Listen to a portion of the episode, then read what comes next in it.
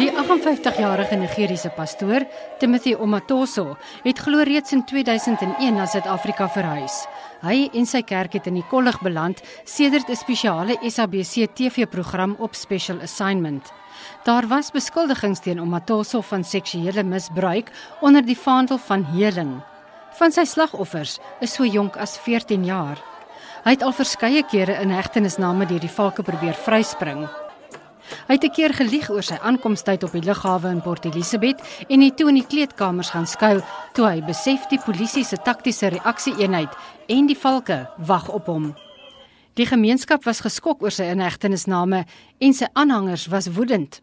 Sy borgaansoeke het gesorg vir 'n paar skokkende onthullings. Daar was verskeie verklaringe van slagoffers en dat die pastoor in besit was van vervalste reisdokumente. Die hof het ook gehoor dat hy 'n onwettige werkspermit bekom het deur 'n gemeentelid wat by binnelandse sake werksaam was. Ook dat 'n senior lid van die Valke hom sou help om uit die land te vlug.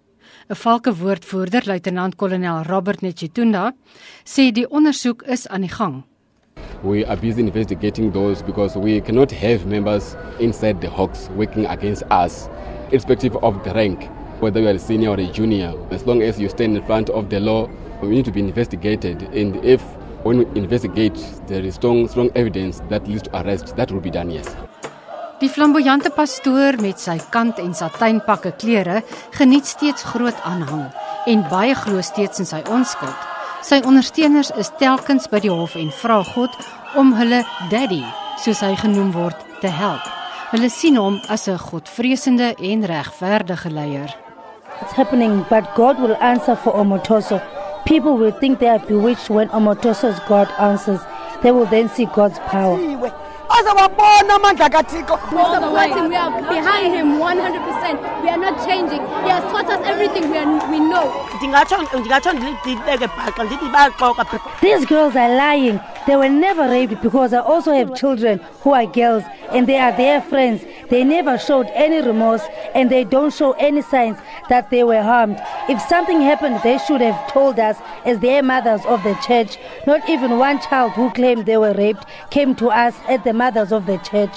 Die Oos-Kaapse LER vir maatskaplike ontwikkeling, Nancy Sihlwai, sê die pastoor moet aan die kaak gestel word. we do believe that we have a case as a country as a world against the so-called men of god we will be here until the finality of the case Die streekwoordvoerder vir die nasionale vervolgingsgesag, Tsepo Ndwalaza, sê die staat glo die pastoor is 'n vlugrisiko en die slagoffers is ook al gedreig. been informed that there is a serious threat against these girls.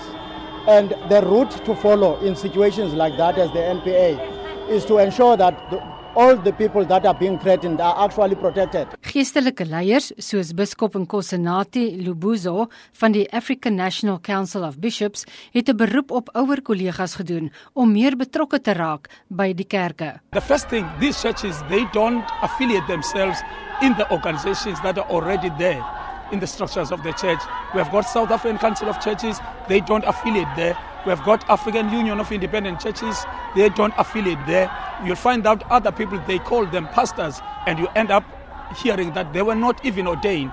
These mushroom churches, they need to be destroyed. 'n Kliniese sielkundige, Louise Malan, sê die steun wat die pastoor geniet is heldeverering en is nie ongewoon nie. It's interesting that they call him daddy because obviously there's a very, it tells us something, hey, that on some level they see him as a father figure and probably a very perfect father figure. And if in their eyes he's a perfect father figure, it doesn't fit that he can have any, that he can have any flaws. So, so they deny his flaws to keep him good.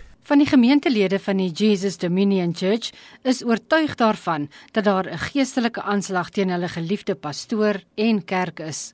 Gemeentelid Annelisa Wenge woon in die sendinghuis en sê die kerk is hulle tuiste. He relates to every age group in the ministry, but mostly what I've seen in the ministry, it's a youth ministry. And it doesn't reject people. It's a ministry for people that feel like they've been lost, people that feel like they've been rejected. Die Port Elizabeth se kerk het verskeie kere van perseel verskuif na mate dit gegroei het. Dis ironies genoeg nou in 'n gebou reg oor kan die Landdroshof in die hoofstraat van die stad met takke in ander stede in die land. Die kerk het 'n veilige hawe geword vir talle, soos Lewoyo Nyongoma wat 'n gerehabiliteerde bendelid is. Hy sê die pastoor het hom na God gelei. It hurts. I don't want to lie. If Timo Matoso is removed from my life, I am zero. I would either die or go back to jail or go back to where I came from. It hurts me a lot because if it were for me and you can replace someone's place, I would volunteer in court and take him out and put me in. bendinakuphakamisa isandla court Die valke het ook twee vroue in die baai aangekeer in verband met die saak wat glo meisies gelok het vir seksuele uitbuiting en is verbind met Omotoso. Die staat beweer die vroue neem die meisies na 'n huis in Umhlanga in Durban. Een van die beskuldigdes is 8 maande swanger en die ander een het 5 dae voor haar inhegtenisname geboorte geskenk. Hulle het albei borgtog gekry. Die saak teen die pastoor en die twee mede-beskuldigdes sal in Januarie hervat. Veronica Fourie in Port Elizabeth.